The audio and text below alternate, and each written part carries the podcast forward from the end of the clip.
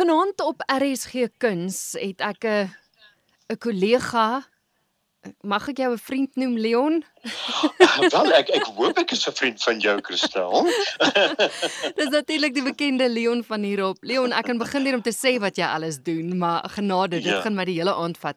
Jy, as ek na jou kyk, sien ek iemand wat nooit bang is vir werk en vir uitdagings ja, nie. En dis wat ja. juist waaroor ons vanaand gaan gesels. Nog 'n ja, uitdaging. Ja wat jy nog 'n uitdaging. Ja. Want weet jy Kerstel, werk is my so lekker nie in die eerste instansie omdat ek werk doen waarvan ek hou. Ja. Jy weet ek het gedog ek kon net sowel kool in 'n myn gekap het of slaggate gevul het met teer. Jy weet, so die feit dat ek die geleentheid het om hierdie werk te doen is vir my 'n geweldige voorreg. En die feit dat mense vir my platforms bied om my in aanhalingstekens talente op uit te leef, uh is is verblydend. Wel. Die rede waarom ek met jou gesels is Plesierengel wat eersdaags op die verhoog te sien gaan wees. Maar Plesierengel was eers 'n boek. En dis nogal 'n interessante storie as ek nou sê 'n boek, daar was eintlik meer as een boek gewees. Ja, daar was drie boeke gewees.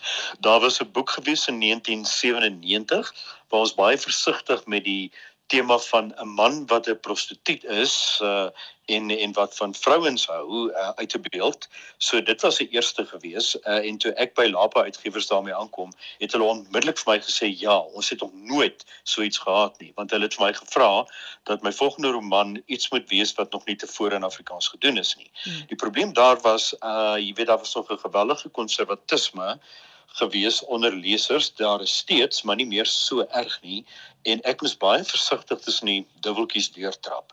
2015 het Tafelberg uitgewers na my gekom en gesê, "Wel, dit is nou, jy weet, twee dekades later, uh, kan jy meer eerlik skryf oor wat gebeur het. Sê ek vir hulle nie meer eksplisiet nie, maar beslis meer eerlik want ek kan dinge nou op hulle naam noem en baie kom ons sê nou maar liggaamsdele en dinge wat gebeur uh, het name gekry skielik wat hulle nie destyds gehad het nie. So ek kon dit vrylik gebruik.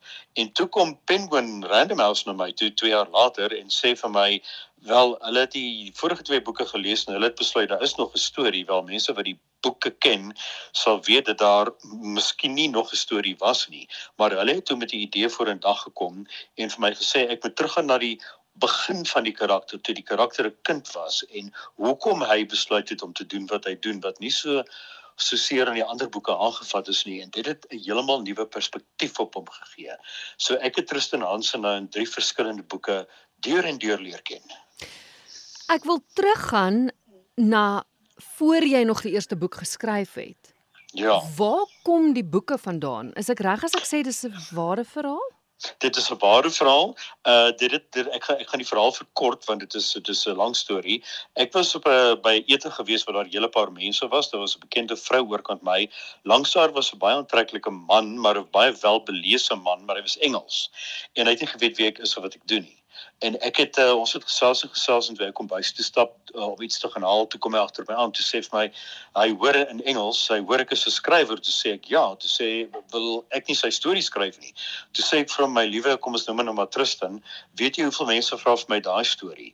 Toe sê ek vir hom wat maak jou storie so besonder? Toe gee vir my een of twee of drie sinne. En net dit het die storie aan my verkoop.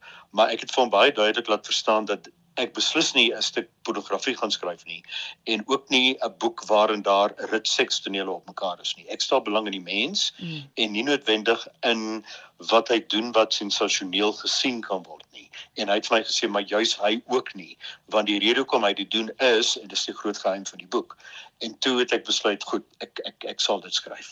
Uh ek ek ek het die boek geskryf. Ek het hy was Engels, so ek was baie van die goed vir hom vertaal soos ek dit geskryf het. Jy weet vir hom vertel wat gebeur en hy het vir my gewys op foute en vir my verduidelik dat ek hom regtig nie eintlik goed ken nie en dat die rede hoekom hy dit gedoen het A B C en D is. En toe ek die boek klaar geskryf het, het ek gevoel wel ek hoop ek het reg aan die karakter laat geskied en toe ek die boek aan hom oorhandig het hy letterlik begin huil want hy het gesê hy het nie gedink iemand sou ooit 'n boek oor sy lewe skryf nie. Toe vra ek vir hom, "Maar hoekom wou jy hê ek moet 'n boek hieroor skryf?" Toe sê vir my hierdie wonderlike reël wat in die verhoogstuk is en dis ook in die boek en dit is omdat ek van geweet wil wees. Ja. En dit is uh, dit het dit vir my verkoop uh, aan aan my verkoop en ek het ook besef dat hy nie noodwendig hierdie werk wou doen nie, maar dat hy gedwing is om dit te doen. Ja. Nou is die verhoogstuk daar, Plesierengel met dieselfde titel. Ja. Ja. Is dit bloot net 'n verwerking Of het dit ook 'n storie? Ehm um, die die dit dit dit dit, dit is eintlik 'n samevatting van die drie boeke. Goed. Maar wat gebeur het is uh die akteur Roan Wessels het my eendag geskakel gevra of hy my kan kom sien en ek het gedink ek het vir Roan 'n paar keer nie baie goeie resensies gegee vir films soos Hoofmeisie en so aan waarin hy was nie. So dalk it's now payback time. Toe sê ek vir Werner wat hier by my is, staan tog net om die hoek as hy my dalk sou aanrand, jy weet soos met die Oscars gebeur het nou onlangs. ja. Toe sit hy daar, toe sit hy met die boek Die Plesierengel of net Plesierengel op sy skoot. En hy sê vir my, ek wil graag hê jy moet hierdie as 'n een man verhoogstuk vir my verwerk. Toe sê ek vir my Roan, ek dink jy's te jonk vir die rol. Die karakter was eintlik 30, jy weet, hy was daar rond gewees. Hy sê vir my, "Wel, ek kan dit speel, jy onderskat my." Toe sê ek vir hom, "Wel, dis baie maklik om te sê skryf 'n verhoogstuk, maar onthou jy moet geld kry, jy moet vervaardigers kry, jy moet 'n regisseur kry." Hy sê vir my, "Ek het dit alles reeds." Ek sê, "O, uh, ek sê vir hom, jy moet ook die geld daarvoor kry." Hy sê vir my, "Wel, ek het al grootliks ook borge gekry hiervoor." Ek tog met dit gebeur nie gereeld nie. Gewoonlik moet jy deur so 'n proses gaan om 'n stuk op die verhoog te kry dat teen die tyd wat dit op die verhoog is, is jy al 'n reistool. Hmm. Uh en ek sê te vir hom wel, wel wel goed, maar vertel jy my nou van die karakter. Wat dink jy van die karakter? En net sy beskrywing van die karakter het my laat besef dat hy daai boeke baie deeglik gelees het, die karakter bestudeer het en besef het dat dit hier hoegenaamd nie gaan om eksploitasie nie, maar dit gaan om tragiek wat is in werklikheid 'n geweldige tragiese storie. Want baie mense wat met my oor die storie praat, huil letterlik en hulle sê ook vir my ek het nog nie die stuk gesien nie, ek bly doelbewus weg. Sê vir my dat die mense wat hulle kry om na die uh uh verhoogstuk toe kom kyk, huil verskriklik baie. Daar's hier en daar mense wat lag, maar dit is so tragies dat hulle eintlik nie kan glo dat dit werklik met iemand gebeur het nie. En toe uh, Roan dit vir my sê, toe dog ek wel hy verstaan die karakter. Die karakter is nie sommer net iemand wat ehm um, jy weet eh, om van sy beeld kan dat wegbreek nie, maar is iemand wat regtig onder sy vel ingekruip het en wie se storie hy ook voel vertel moet word. En daarom het ek gesê ja.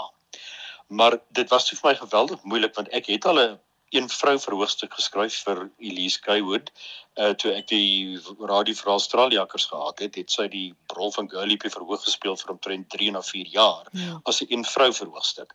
En ek het ook liedjies geskryf met lirieke en so aan, so dit was nie vir my heeltemal so vreemd nie, maar dit was my bitterlik moeilik geweest.